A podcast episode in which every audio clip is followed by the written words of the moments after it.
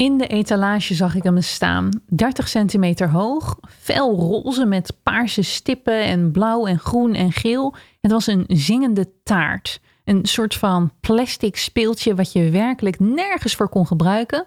Maar ik was verliefd. Ik wist, die moest ik hebben. Ik was een jaar of elf en ik zag hem in de expo staan. Ik weet niet of je oud genoeg bent om de expo te herinneren, maar dat was een winkel vol met zulke gekke snuizerijen. Mijn moeder was er op dat moment helemaal klaar mee en die was absoluut niet van plan om die roze taart van mij te gaan kopen. En ik dus besloot, het is tijd voor een baantje.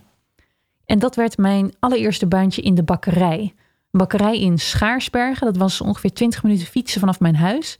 Ik moest om vijf uur ochtends al op om daar op tijd te zijn. En dan moest ik een hele heuvel en een berg opfietsen, want dat was in, het was in Arnhem, daar ben ik opgegroeid. En dat uh, is dus nogal heuvelachtig. En dan fietste ik dus ochtends vroeg in het donker in mijn uppie naar die bakkerij om daar dan de hele dag brood te verkopen. Volgens mij verdiende ik daar iets van 2,75 of zo. Ook echt heel erg weinig natuurlijk. Voor mij in ieder geval een hele schat. Dus eh, ik klaagde niet. Maar wat ik nog wel heel goed weet was toen uh, de vrouw van de bakker en de eigenaar van de winkel. Die betaalde het personeel altijd op de cent uit. Dus als ik dan op een dag 17,75 had verdiend, en had alleen nog maar 18 euro, dan vroeg ze die 25 cent terug. En ik weet nog wel dat ik toen al dacht: als ik ooit een baas word, dan ga ik niet zo'n soort baas worden. Dit, dit is echt verschrikkelijk. Als je zo met geld omgaat en zo met je personeel omgaat, had ik toen al wel door. Um, en vanaf dat moment, ik heb daar ook maar een jaartje gezeten. Toen ben ik bij een supermarkt gegaan. En vanaf dat moment heb ik weet ik veel hoeveel baantjes gehad. Ik heb in een schoenenwinkel gewerkt. Ik heb in de Schouwburg gewerkt. Ik heb in een fabriek gewerkt. Ik heb in een callcenter gewerkt. Ik ben flyermeisje geweest. Heel veel catering. Twee dagen in een restaurant tot ik werd ontslagen omdat ik pizzasaus over iemand heen knoeide. Ik heb op beurzen gestaan. Ik ben secretaresse geweest. Ik heb in een massagesalon gewerkt. Basically pakte ik van mijn dertiende tot en met mijn 22ste alles aan waarvan ik dacht: oh, dit lijkt me wel leuk om werkervaring op te doen, om nieuwe mensen te leren kennen. Het uitzendbureau was helemaal gek op mij, want ik zei overal ja op en ik kon altijd werken. En ik was gek op het uitzendbureau, want die leverde mij dus altijd weer leuke, nieuwe, prikkelende ervaringen op, plus geld. Ik was zo verzot op de zelfstandigheid die erbij kwam. Dus vanaf het moment dat ik die eigen, want die taart heb ik natuurlijk uiteindelijk gewoon heel triomfantelijk zitten kopen van mijn eigen geld. Na een dag helemaal op uitgekeken, want dat heb je in vredesnaam aan een zingende taart die Happy Birthday in een blikkerig stemmetje zingt. Maar dat heb ik natuurlijk nooit toegegeven aan moeder. Um, ik was gewoon, ik vond het heel erg fijn om zelfstandig te kunnen zijn. En ik kocht dus op mijn zestiende bijvoorbeeld al dan een treinkaartje van mijn eigen geld naar Amsterdam om daar lekker rond te lopen. En te fantaseren hoe ik ooit later in Amsterdam zou wonen. En dan kocht ik een ijsje van mijn eigen geld. Die zelfstandigheid van geld, dat heeft mij altijd heel erg gelonkt. De vrijheid, zelfstandigheid. En het lonkte zelfs zo dat ik na mijn HAVO besloot om een jaar, een tussenjaar te nemen. Dat was het tussenjaar waarin ik onder andere au pair ben geweest en ook heel veel baantjes heb gehad.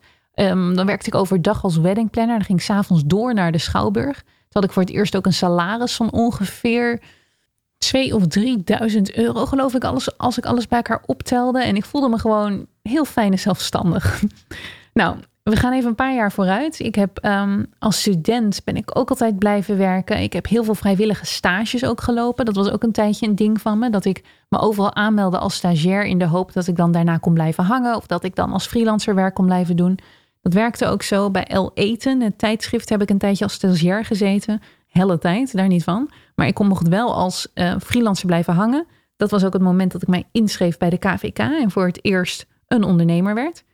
Ik was toen 21 en daarna heb ik besloten nog de master journalistiek te gaan doen, omdat ik merkte dat ik schrijven heel leuk vind en ik schrijven een hele handige skill vond om te hebben voor de rest van mijn leven. Dus ik dacht, laat ik dit nou eens goed gaan leren dan en echt een hele goede journalist worden. En toen heb ik me aangemeld voor de master. Nou, daar begint eigenlijk naar mijn hoofd echt mijn carrière. Daarvoor waren het gewoon allemaal kleine baantjes die heel leuk zijn geweest, die me heel veel hebben geleerd. Maar toen ik met de master klaar was, toen kwam het besef van, alrighty, we gaan nu de grote mensenwereld in. Wat gaan we doen? Nou, als eerste, ik was volkomen onvoorbereid op het feit dat je stufie stopt. Ik denk dat andere mensen daar veel slimmer over hadden nagedacht. Ik was nog niet zo ver. En ik weet nog dat ik mijn diploma haalde. En een, een dag later of zo was er al een brief van: Oké, nu stop je studie, stufie. Vanaf nu moet je gaan terugbetalen. En ik woonde toen op dat moment samen uh, met mijn toenmalige vriendje. En ik dacht: ik heb hier maximaal twee maanden geld voor huur en dat is het. Ik moet een baan, ik moet gaan werken. En ik had tijdens mijn master had ik bij Parool stage gelopen. En toen had ik al wel best wel verstandig, dat raad ik altijd elke stagiair aan. Had ik zo'n beetje toen mijn stage op het einde liep, was ik bij heel veel chefs langs gegaan van de, van de redacties en had ik allemaal goede stukken gepitcht. Van hey, zal ik anders een stuk schrijven over het oude treinstation? Of hey, zal ik hier een profiel over maken? Of zal ik deze gaan interviewen? Dan had ik allemaal ja's verzameld. Allemaal mensen die zeiden, oh ja, dat is wel een leuk idee, laten we dat doen. En dan wachtte ik met die stukken tot ik uit dienst was als stagiair. En dan zei ik, oh, ik zou dat stuk nog maken van uh, dat treinstation. Ik ben al heel lekker mee bezig. Ik heb een paar lekkere quotes. Uh, ik kan het volgende week af hebben. Wel goed om te weten, ik ben geen stagiair meer. Ik ben, uh, ik ben uit dienst, dus ik ben nu freelancer. Met in mijn achterhoofd natuurlijk de kennis dat het voor een chef helemaal niks uitmaakt of ik in dienst ben of dat ik als freelancer word betaald. Het gaat hen om het goede stuk. Alleen de administratie die maakt zich daar druk om. Dus die zeiden dan, oh ja, nee is goed, dan doe je het als freelancer. Dat is oké. Dus zo had ik al aan het eind van mijn stage had ik al een paar opdrachten en dat bleef dus vanaf dat moment lopen. Omdat als je eenmaal ergens binnen bent als freelancer, dan kan je dus de volgende keer weer zeggen, oh ja, ik ben gewoon freelancer. Ik heb vaker voor jullie freelance stukken geschreven, bladibladibla. Dus had ik in principe slim aangepakt, maar het parool en de journalistiek betaalt nou weer ook niet zo goed dat je daar onmiddellijk als dat je enige opdrachtgever is helemaal van kon rondkomen. Dus ik dacht, oké, mijn studie is gestopt, ik moet mijn huur gaan betalen. Wat ik nu ga doen is als freelance journalist gewoon super hard mijn best doen en aan allemaal tijdschriften en kranten goede stukken sturen zodat ze me gaan aannemen. En ik weet nog dat ik met een vriendinnetje in een café zat en elke dag aan het werk was aan goede stukken. En aan pitches schrijven en aan proberen ergens binnen te komen met hoe goed ik was als journalist. Nou, dat viel tegen. Ik heb vier weken lang elke dag allemaal artikelen zitten pitchen en zitten maken en mijn best lopen doen en niemand wilde het hebben. En toen was het Koningsdag bijna. Het was april, want ik was in februari was ik afgestudeerd. En het geld was gewoon echt letterlijk op. En mijn vriend die had op dat moment ook geen baan. Dus we zaten echt naar een lege bankrekening te kijken met de wetenschap. Oké, okay, zo meteen moeten we geld hebben voor de huur en we hebben het niet. En toen hadden we bedacht dat we op Koningsdag broodjes warmgerookte zalm en blikjes drinken gingen verkopen. Ik weet even niet meer welk jaar dit is. Volgens mij was ik 23. En het was een Koningsdag die helemaal in het water viel, want het regende heel hard en het was helemaal geen lekker weer. En er waren nauwelijks mensen op straat. Dus we hadden voor 200 euro hadden we spullen ingekocht met het idee dat gaan we verkopen en zo kunnen we onze huur betalen. En dat werkte dus helemaal niet. En ik weet nog dat ik daar achter zo'n kraampje stond met, ik had een bordje gemaakt met warm gerookte zalm en, en weet je, die blikjes drinken. En iedereen shockte ons voorbij. En verder zie je natuurlijk vooral op Koningsdag allemaal mensen die voor de lol, voor een extra centje spulletjes aan het verkopen zijn. Die hoeven er niet per se gelijk van rond te komen. Zeker niet in het centrum van Amsterdam. Dan zie je gewoon alle mensen die op de grote grachten wonen, zie je dan nou ja, wat, wat huisraad naar buiten slepen en verder gezellig doen. Maar wij stonden er echt met, we zitten in een diep dal, we moeten onze huur gaan betalen. En we kwamen thuis en volgens mij hadden we 30 euro omgezet of zo. Er waren echt letterlijk tien mensen geweest die een, een broodje hadden gekocht. En de hele keuken stond vol met die fucking blikjes cola die we, die we over hadden.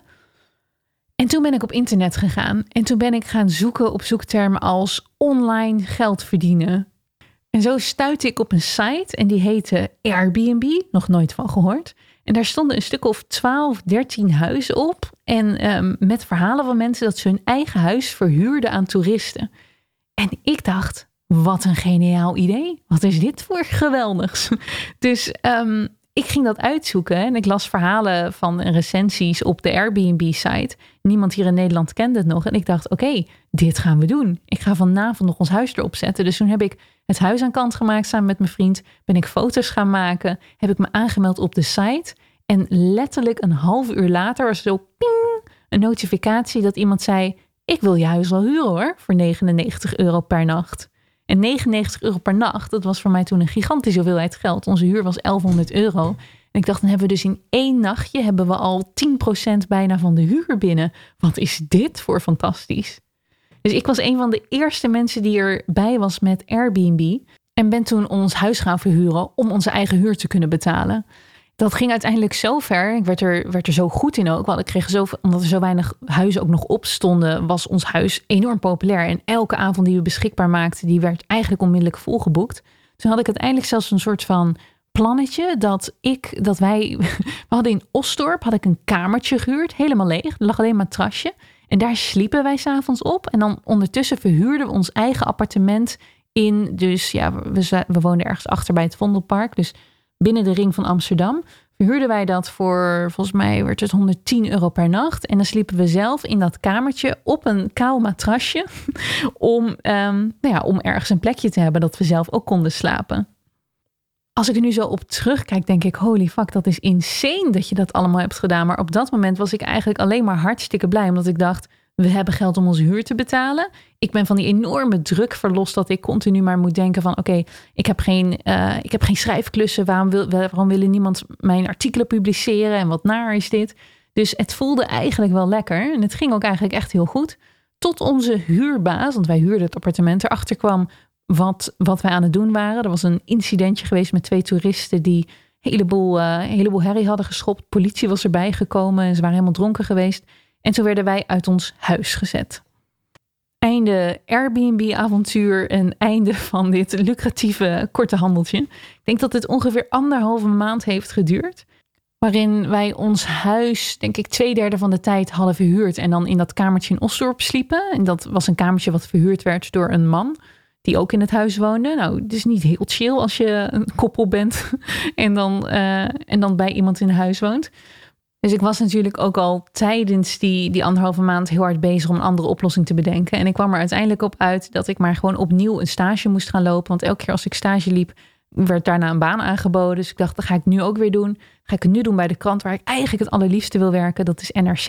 Ik bied me aan als stagiair en dan hoop ik op het beste. Dus dat ben ik gaan doen. Ik ben me gaan aanbieden als stagiair bij NRC. Mijn vriend trok ook natuurlijk zijn uh, plan. Dus die begon een marktkraampje met vis. Daar heb je ook bijna namelijk geen startersinvestering voor nodig. Daar heb je alleen letterlijk de huur van een kraam voor nodig. En dan moet je naar de afslag rijden om verse vis te halen en dat te gaan verkopen. De vis die betaalde genoeg voor ons om de huur te betalen, waar ik mijn vriend heel dankbaar voor ben en voor het eerst ook de magie zag van een bedrijf starten ik had tot die tijd alleen nog maar heel erg gedacht in termen van freelancer. En dan betaal je per artikel. En ik zag mijn vriend dus ondertussen een bedrijf opstarten, namelijk een viskraam. En ik hielp hem ontzettend ermee hoor. Dus ik stond elke, elke zaterdag stond ik de vis te doen. En ik nam af en toe dagjes vrij van uh, de stage om hem te helpen. En het was uiteindelijk zo dat hij twee maanden in mijn stage zijn enkel brak en niet meer achter de viskraam kon staan. En toen heb ik mijn stage afgebroken en ben ik onmiddellijk die vis gaan verkopen. Want ja, wij moesten rondkomen en van een stagevergoeding van 300 euro lukt dat niet. Dus dan reed ik ochtends in alle vroegte naar de, naar de afslag toe. En mijn vriend met de gebroken enkel naast mij aanwijzen welke vissen ik moest meenemen en kopen van de afslag. en dan gingen we de kraam opbouwen en het was zo koud. Het was winter toen. En dan stond hij met een gebroken poot in het gips um, uh, vis schoon te maken. En ik deed dan de verkoop.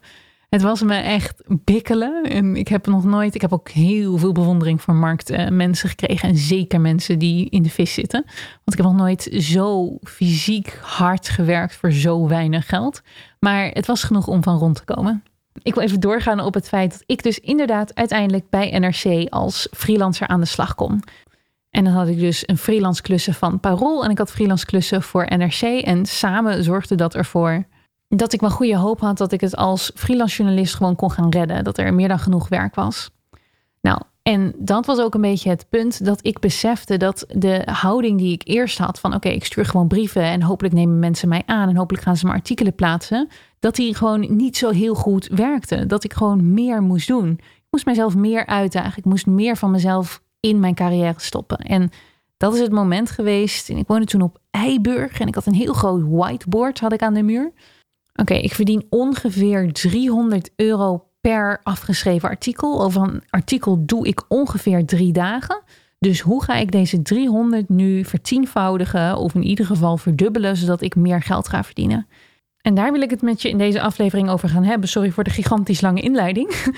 Stel, je hebt nu een bepaald inkomen en het gaat in principe lekker. En je hebt dit nu al een paar jaar zo op deze manier of een paar maanden. Hoe zorg je ervoor dat je jezelf next level tilt, dat er net meer gaat binnenkomen? Nou, mijn eerste stap was letterlijk kijken: oké, ik verdien nu 300 euro per artikel. Hoeveel tijd doe ik dus over een artikel? Ik zei net drie dagen, maar ik ben dat helemaal gaan timen per uur. En toen kwam daar geloof ik uit dat ik ongeveer 12 uur bezig was met één artikel. Van helemaal het begin de opdracht tot en met helemaal het is ingeleverd en het staat in de krant. En omdat ik dat dus zo scherp ben gaan timen en ik dat dus precies wist, kon ik nu ook berekeningen maken. Ik wist bijvoorbeeld dat ik dus 25 euro per gewerkt uur verdiende. Ik wist dus ook dat als ik weer een hele dag zou werken en weer 12 uur aan artikel zou werken, dat ik dan 600 euro zou hebben bij elkaar. En zo begon ik een beetje strategieën uit te stippelen. En mijn eerste strategie was efficiënter werken. Als ik het nu een artikel schreef in 12 uur, hoe zou ik dan een artikel schrijven als ik er 6 uur over zou doen? Dan zou ik namelijk in 12 uur twee artikelen kunnen schrijven en mijn inkomen kunnen verdubbelen. Dus ik ben efficiënter gaan werken. En als journalist hield dat bijvoorbeeld in dat op het moment dat ik iemand interviewde, ik hem gewoon sneller afkapte. Als ze een of ander heel lang lulverhaal gingen doen, waarvan ik wist, dit gaat toch niet in het artikel komen, luisterde ik niet meer beleefd, maar stuurde ik een direct sturende vraag om weer terug naar point te komen. Als ik um, mijzelf continu aan het, aan het twijfelen was over welke zin nou het beste was, dacht ik, je mag nog twee seconden nadenken, dan schrijf je de zin op. Dus weg met perfectionisme als ik ehm, mensen moest gaan interviewen en een afspraak moest gaan inplannen. En ze wilden graag dat ik langskwam bij ze op bezoek, want dat vonden ze wel leuk. Want dat is leuk als een journalist langkomt, zei ik. Nou, ik doe alleen telefonische interviews. Dus gewoon even 10 minuten bellen, dat is genoeg voor mij. Als je mijn cursus over productiviteit hebt gedaan, dan zal je ook heel veel van deze tips herkennen uit mijn productiviteitscursus. Want toen ben ik er dus mee begonnen om te denken: ik moet alles optimaliseren. Hoe ga ik sneller en efficiënter werken zodat ik meer geld kan verdienen? Nou, daar werd ik een kei in. Daar werd ik zo goed in dat ik soms zelfs als ik iemand interviewde, dan schreef ik ondertussen op Word-documentjes aan vier interviews tegelijkertijd. Eentje voor NRC, eentje voor Parool, eentje voor een achtergrondstuk van NRC en dan nog eentje voor een vakblad. Dan pakte ik dus quotes uit het gesprek en die stopte ik in vier verschillende documentjes. Allemaal natuurlijk andere quotes. Maar dan zorg ik dus dat één telefoontje wel stof had voor vier verschillende artikelen. En je komt in principe met efficiënter werken, kom je heel ver. Een van de eerste dingen die ik tegen mensen zeg als ze zeggen van het lukt me niet om meer geld te verdienen en uh, ik wil geen hogere prijzen vragen en het gaat allemaal niet, dan zeg ik altijd ga efficiënter werken. Time je tijd. Kijk wat er sneller kan. Kijk wat er geautomatiseerd kan worden. En nu kan je als journalist niet zo gek veel automatiseren. En toch had ik af en toe wel maniertjes. Ik had bijvoorbeeld een aantal rubrieken waarin ik altijd ondernemers interviewde en mensen over hun dag. En ik had uiteindelijk door dat mensen gewoon veel langer moesten nadenken en veel omslachtiger formuleerden als ze nog niet van tevoren de vragen hadden gezien. Dus het simpele, ik zet van tevoren een vragenlijstje al klaar voor ze, stuur dat naar ze op, zodat ze alvast zich kunnen voorbereiden op het gesprek, zorg dat het gesprek vloeiender ging. Dus ik denk dat er bijna in elke professie wel een paar dingen te, te optimaliseren zijn en te automatiseren. Terwijl mensen denken, nee, maar dat moet toch allemaal menselijk zijn. En dat is nog steeds menselijk, maar je kan wel kleine stapjes zetten om het te verbeteren. Ik werd in die tijd een soort van ideeën en artikelen machine. Ik schreef soms wel zes of zeven artikelen in de week. En daarnaast draaide ik diensten op de NRC-redactie. En dat is het tweede punt waar ik achter kwam. Als je meer geld wil verdienen, moet je daadwerkelijk gewoon meer werken dan de meeste mensen. Dus wat ik deed, was dat ik vaak al om vijf uur ochtends op de NRC-redactie kwam. Het was een gebouw wat altijd open was, dag en nacht. Dus je kon er de hele nacht blijven zitten als je zou willen. En ik was er altijd, als de ochtendschoonmaakploeg uh, er was, zat ik al in mijn eentje op de redactie. Ik typte dan artikelen af. Um, ik maakte stukken. Ik kon me heel goed concentreren, want er was helemaal niemand. En uiteindelijk was iedereen om een uur of acht of half negen binnendruppelde om de werkdag te beginnen en de vergadering begon, had ik dus al iets van drie uur werk erop zitten. Begon ik dan aan een hele dienst als redacteur. En ik was ook altijd een van de allerlaatste die de redactie weer verliet, omdat ik dan aan het eind van mijn dienst altijd weer eigen artikelen aan het afmaken was of aan het inleveren was of nog een extra dienstje draaide. Dus dat was mijn tweede tactiek om geld te verdienen en te husselen als een malle. Ik werkte gewoon heel erg veel en heel erg hard. En nog steeds heb ik dat altijd wel een beetje in me. Dat ik denk, als mensen klagen over dat ze te weinig geld verdienen, denk ik, hoe hard werk jij? Hoeveel, hoeveel uur van de dag zet jij daadwerkelijk opzij om aan je carrière te werken of om verder te komen?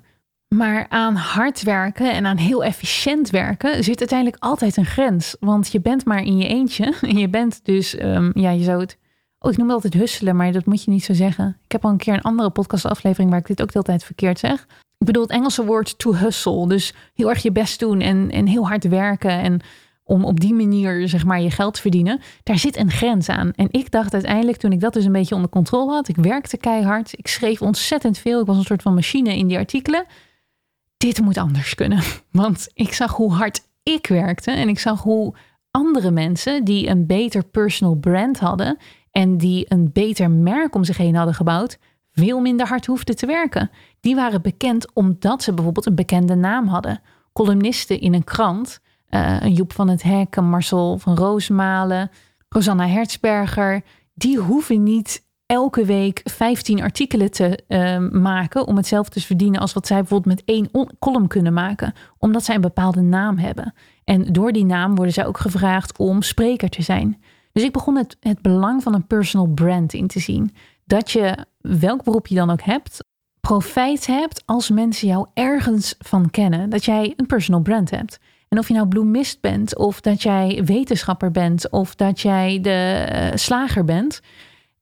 Elk beroep, elk, elk, elke professie, die heeft wel één of twee of drie bekende namen. Namen waarvan iedereen zegt: Oh ja, nee, die ken ik wel. Die komt inderdaad wel eens op televisie. Of die wordt inderdaad wel eens gevraagd voor TED Talks. Of ja, daar heb ik wel eens een uh, artikel over gelezen.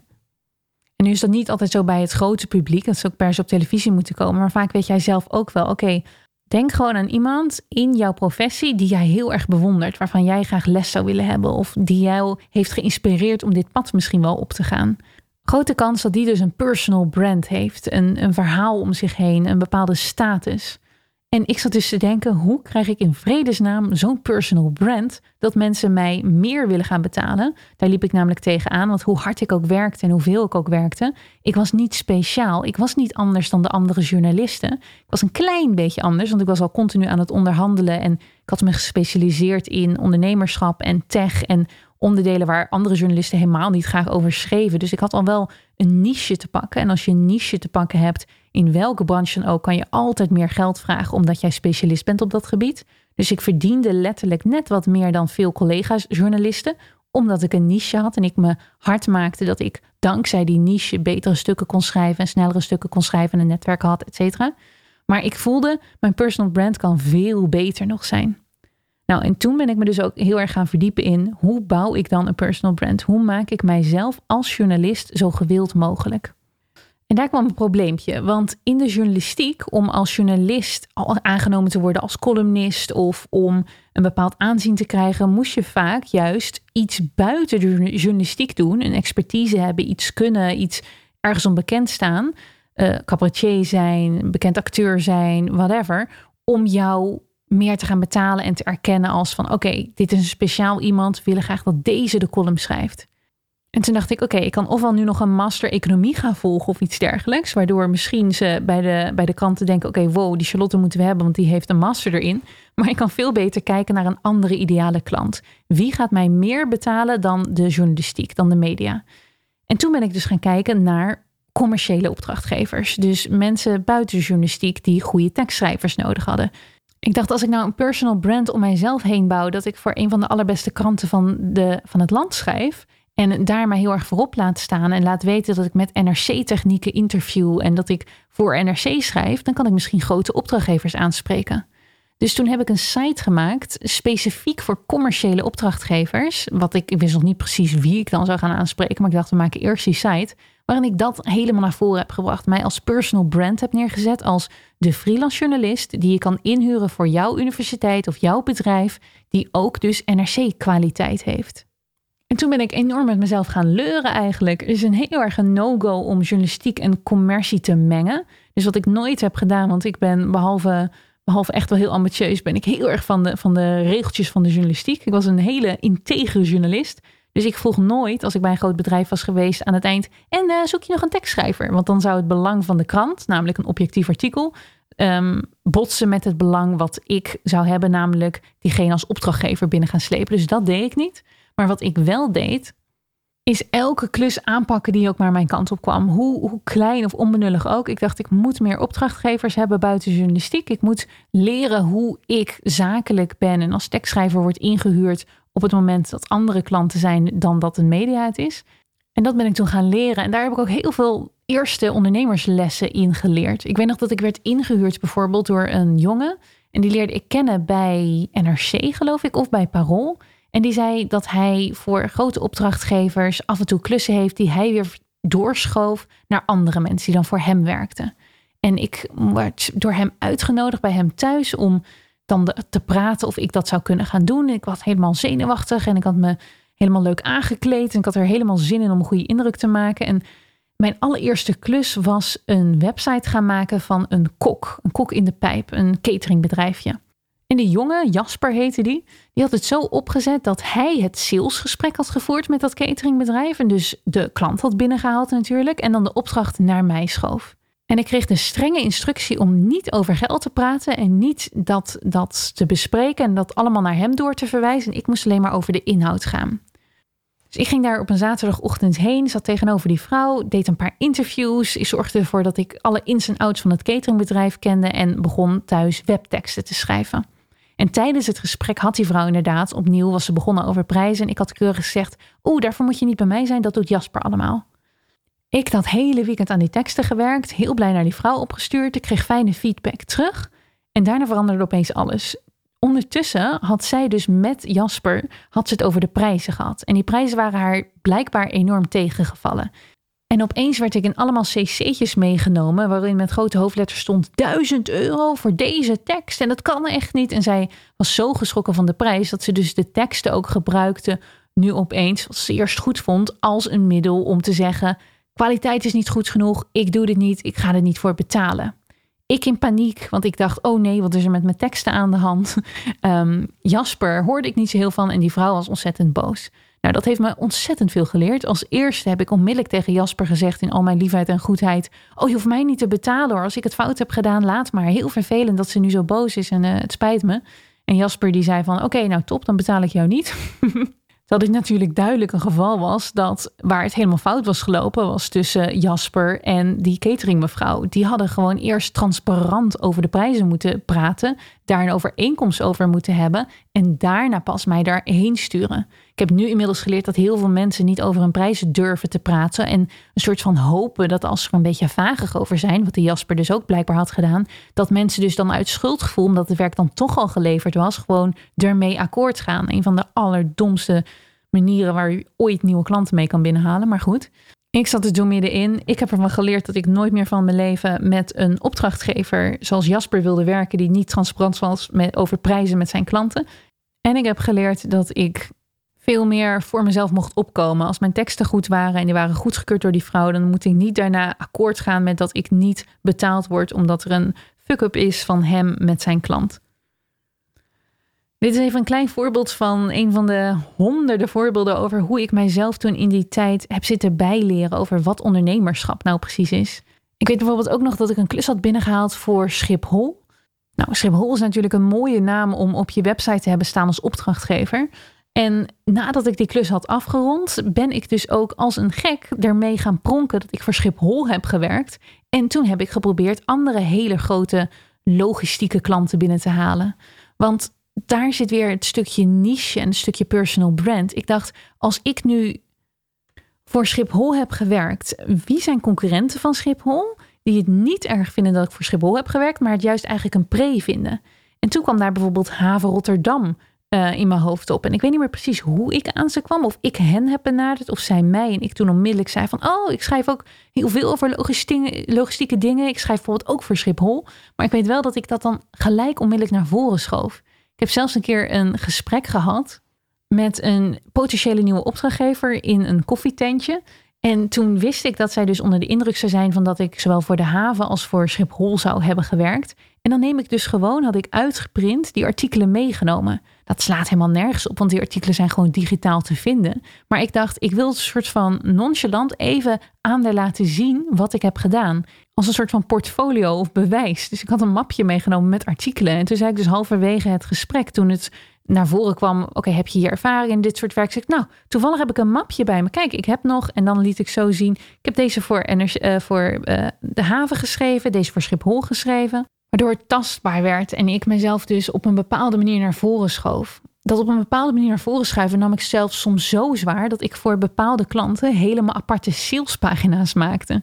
Ik weet nog dat ik voor een medische opdrachtgever ging uh, schrijven. En hij vroeg me even een mailtje te sturen met een korte pitch over wie ik was, waar ik normaal over schreef en mijn website. En toen heb ik dus mijn hele website zo omgeschreven dat ik overal vooral liet vallen waar ik ervaring had in over medische dingen schrijven. Dat was helemaal niet veel. Dat waren twee of drie artikelen in NRC die ik ooit een keer had geschreven. Maar die kon ik natuurlijk wel voorop en prominent op mijn website zetten. Dit is sowieso een van de lessen die ik altijd probeer door te geven aan iedereen. Op het moment dat jij met iemand praat, maakt het niet uit welke niches jij allemaal eigenlijk hebt of welke nevenactiviteiten je allemaal doet. Je moet je helemaal puur richten op: oké, deze opdrachtgever, waar is die naar op zoek? Dus als ik bijvoorbeeld met de hoofdredacteur van de Kampioen aan het praten was, of ik daar artikelen voor mocht schrijven, dan ging ik niet helemaal uitweiden dat ik heel veel over ondernemen schreef of dat ik elke zaterdag ook op de markt vis aan het verkopen was. Nee, ik focus hem dan helemaal op.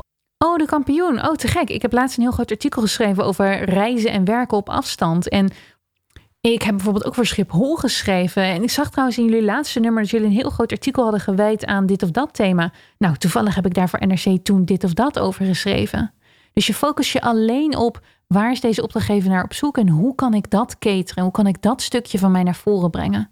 Dat heb ik veel later, toen ik dus bijvoorbeeld spot had en cursussen draaide, precies hetzelfde gedaan. Als ik met een opdrachtgever in gesprek was die een heel groot Amerikaans bedrijf had en af en toe vergaderruimte zocht, dan vertelde ik vooral heel enthousiast over dat andere grote Amerikaanse bedrijven bij mij aan het vergaderen waren. Was deze gast van eBay, dan vertelde ik over dat Booking bij mij kwam en dat Google bij mij kwam. Stond ik met iemand te praten van de Nederlandse bank, dan vertelde ik dat ING graag, uh, graag bij me kwam en dat ik laatst toevallig nog de Rabobank over de vloer had gehad. Mensen moeten zich herkend voelen. Die moeten denken van, oh wauw, dan is er precies degene die voor mijn bedrijf of voor, voor de opdracht die ik nu voor me heb, de goede is. Want zij catert blijkbaar ook aan mijn grote concurrenten en die zijn ook blij met haar. En hier ligt misschien voor sommige mensen, denk ze, een soort van fine line tussen wanneer lieg je en wanneer bluff je en wat is nou echt waarheid.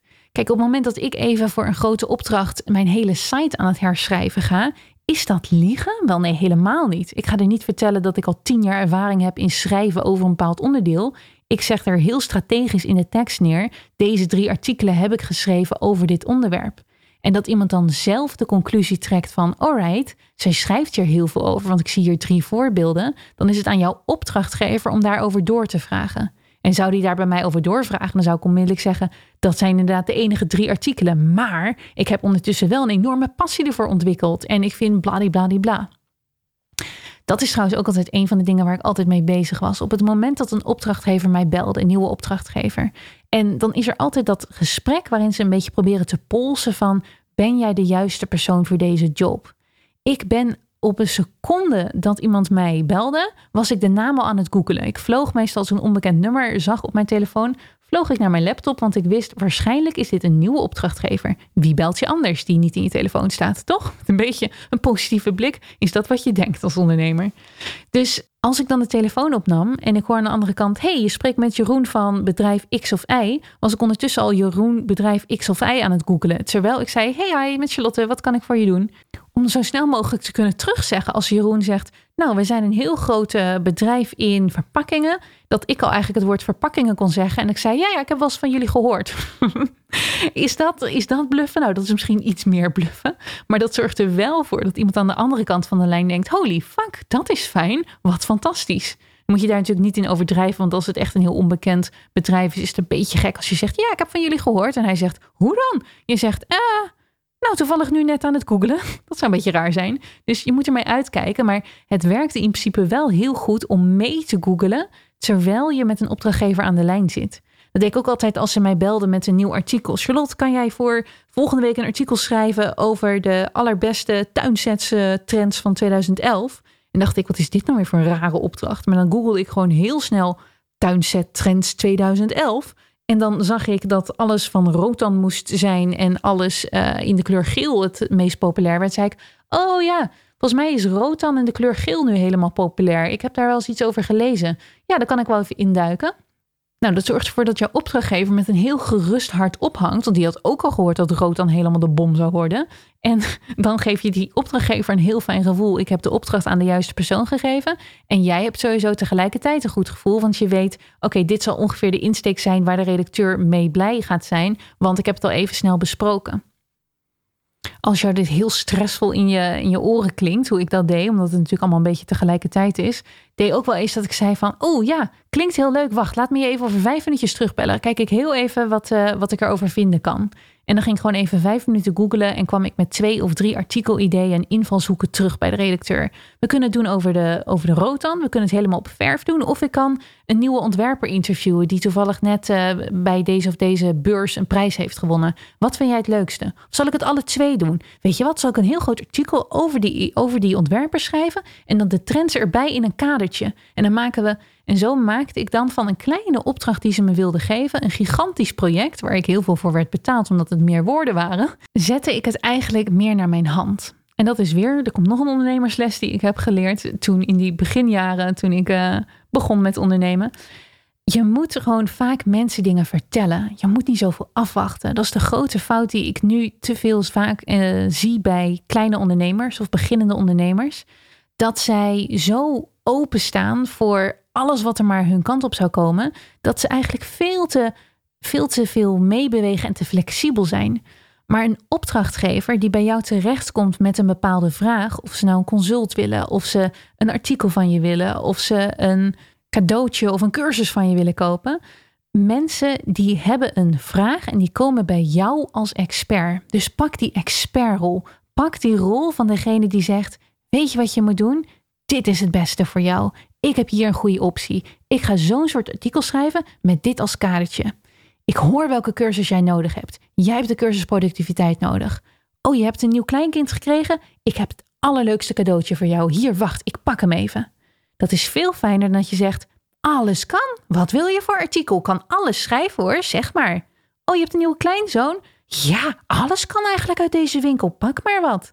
Oh, je wil een cursus? Ja, ik heb allerlei aanbod. Ga maar eens zoeken. Dat lijkt chiller, want daarmee denk je, dan, dan komt er wel iets tussen wat ze willen. Maar het is zoveel fijner voor jouw opdrachtgever om de opdracht aan iemand te geven die met een soort van zelfverzekerdheid en zelfberadenheid zegt: Kom maar hoor, bij mij ben je in goede handen. Ik weet wat mooi bij jou is. Het is hetzelfde beetje als met een kapper, toch? Dus als je in de kapperstoel gaat zitten en de kapper kijkt je aan en zegt: Nou, wat zullen we gaan doen? Het is prima, maar ik heb veel liever een kapper die zegt: Meid, wat een mooie bos haar. Ik zie inderdaad, er moeten sowieso de puntjes ervan af. Uh, je pony moet worden bijgeknipt en je haar moet worden geblondeerd. Of had je zelf wat anders in gedachten? Wat is jouw idee? Weet je wel, je hebt, je hebt een sturing nodig. En er moet natuurlijk dus een soort van vrijheid in zitten. Want het is ook verschrikkelijk irritant als iemand telkens precies denkt te weten wat jij moet hebben en daar helemaal op hamert. Maar die zelfverzekerdheid, die begon ik steeds meer als, als freelancer al helemaal erin te brengen. Dat ik zei van, oké, nu weet je, ik hoor je idee aan, geweldig idee, hartstikke goed. Maar als je het op die manier wil, wil hebben in tekst, wordt het iets te breed. We kunnen beter iets jovialer opschrijven en in een interviewvorm, want mensen lezen nou eenmaal graag interviews. En zo stuurde ik ze altijd naar een bepaalde manier waarop ik graag werkte ook tegelijkertijd natuurlijk wat het beste voor de klant was. Ik ga ze niet sturen naar iets wat niet voor hen werkt. Want als je ontevreden klanten hebt, dan ben je helemaal verder van huis. Maar klanten weten vaak niet wat ze willen als ze bij je komen. Die weten niet wat het beste werkt. Als mensen bij mij kwamen voor een goede tekst, hadden zij zelf in hun hoofd wat, wat ze wilden. En dat was eigenlijk nooit hetgene wat het beste resultaat zou opleveren. Dus dat kan je dan gewoon accepteren en gewoon keurig doen wat ze zeggen. En dan zelf niet blij zijn met het eindresultaat. En de klant gaat ook niet zo blij zijn met het eindresultaat. Of je pakt die verantwoordelijkheid en je gaat, je gaat sturen. En je gaat met een zelfverzekerdheid zeggen: Dit is niet het beste voor jou. Kom maar, ik weet wel hoe het hoort.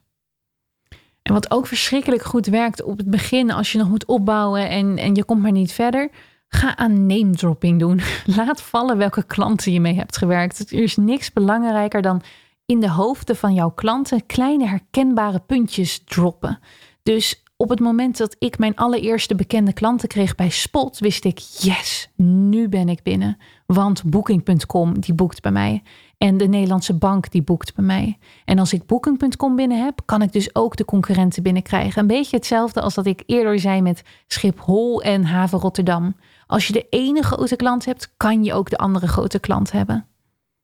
En ik kom soms mensen tegen die voor de meest waanzinnige klanten hebben gewerkt. En daar kom ik pas achter nadat ik al twintig minuten met ze heb gepraat.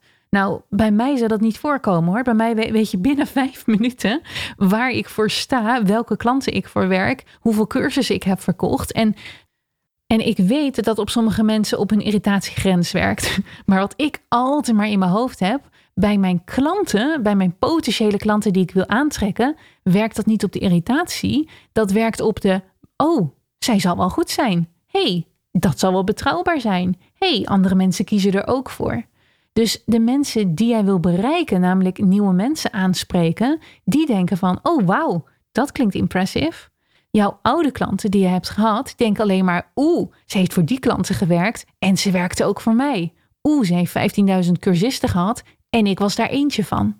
Dus wie irriteer je? De mensen die sowieso niet bij jou gaan kopen, de mensen die sowieso niks van je moeten hebben, die irriteer je misschien door het heel vaak te zeggen. En wat maakt dat uit? Dan zijn ze maar geïrriteerd. Dat is ook weer een stukje mindset, want ik raak dus nooit geïrriteerd van zulke dingen.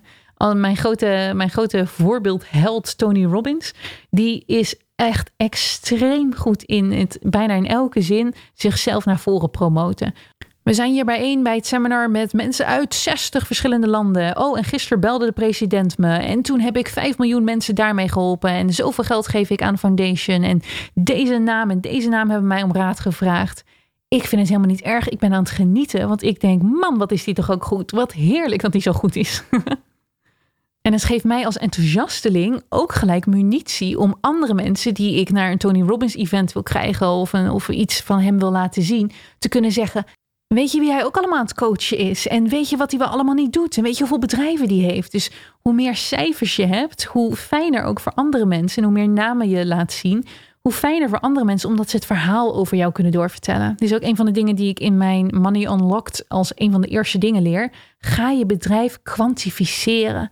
Ga ervoor zorgen dat er, dat er kleine stukjes zijn die in de hersens van mensen blijven hangen.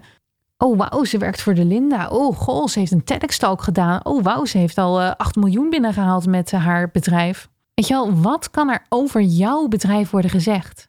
En nu kan ik natuurlijk inmiddels met best grote cijfers aan het rondsmijten zijn. Aan het begin was het dus van, nou, ik heb ook voor de haven Rotterdam gewerkt. Nou, ik schrijf al drie jaar voor NRC. Nou, ik heb al 50 artikelen geschreven over ondernemerschap. Nou, ik heb al meer dan 400 ondernemers gesproken. Weet je wel, ik zorg er gewoon altijd voor dat er ergens al een cijfer tevoorschijn getrokken kon worden. Zodat een nieuwe opdrachtgever zou denken, oh, aan haar kunnen het wel kwijt.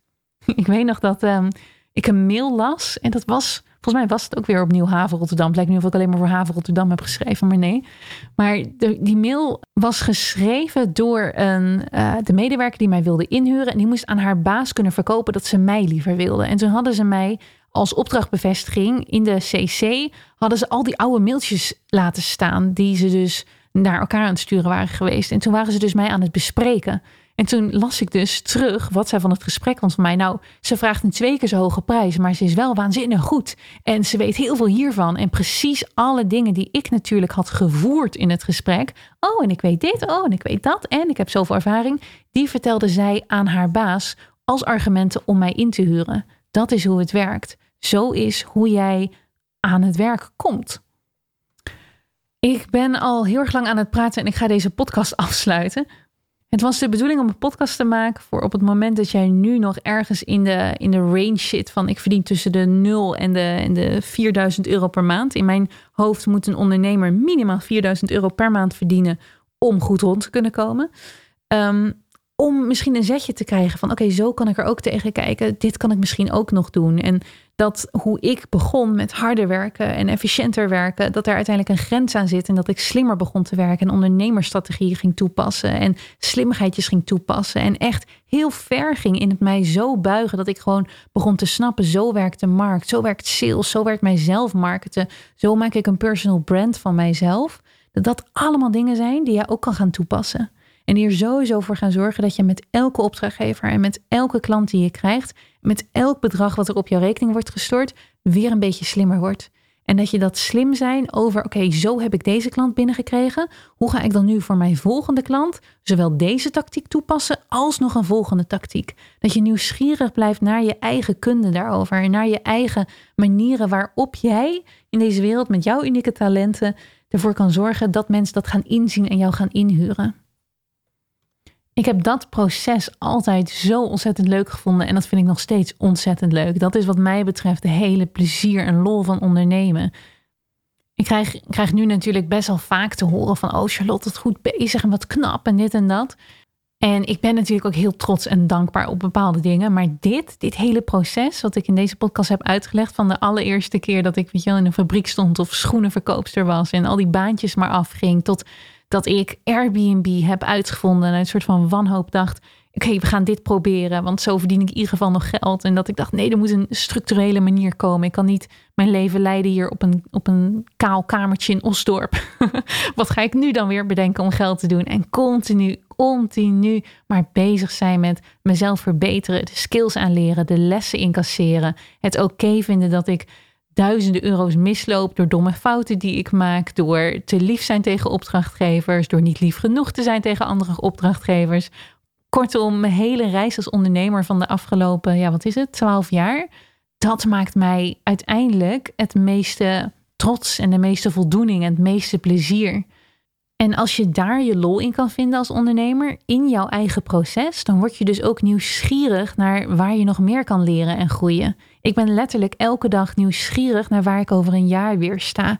Wat zou er dan allemaal met me gebeurd moeten zijn? Welke blokkades heb ik over moeten gaan? Welke erge dingen heb ik mee moeten maken? Welke blunders heb ik moeten meemaken? Om dan weer geleerd te hebben van afgelopen jaar. En ik vind het zo ontzettend leuk om dit allemaal met je te kunnen delen. Van mijn allereerste gênante verhalen dat ik met tranen in mijn ogen op Koningsdag met die uh, eh, 200 broodjes warme zalm stond. tot en met de dingen die wel goed gaan.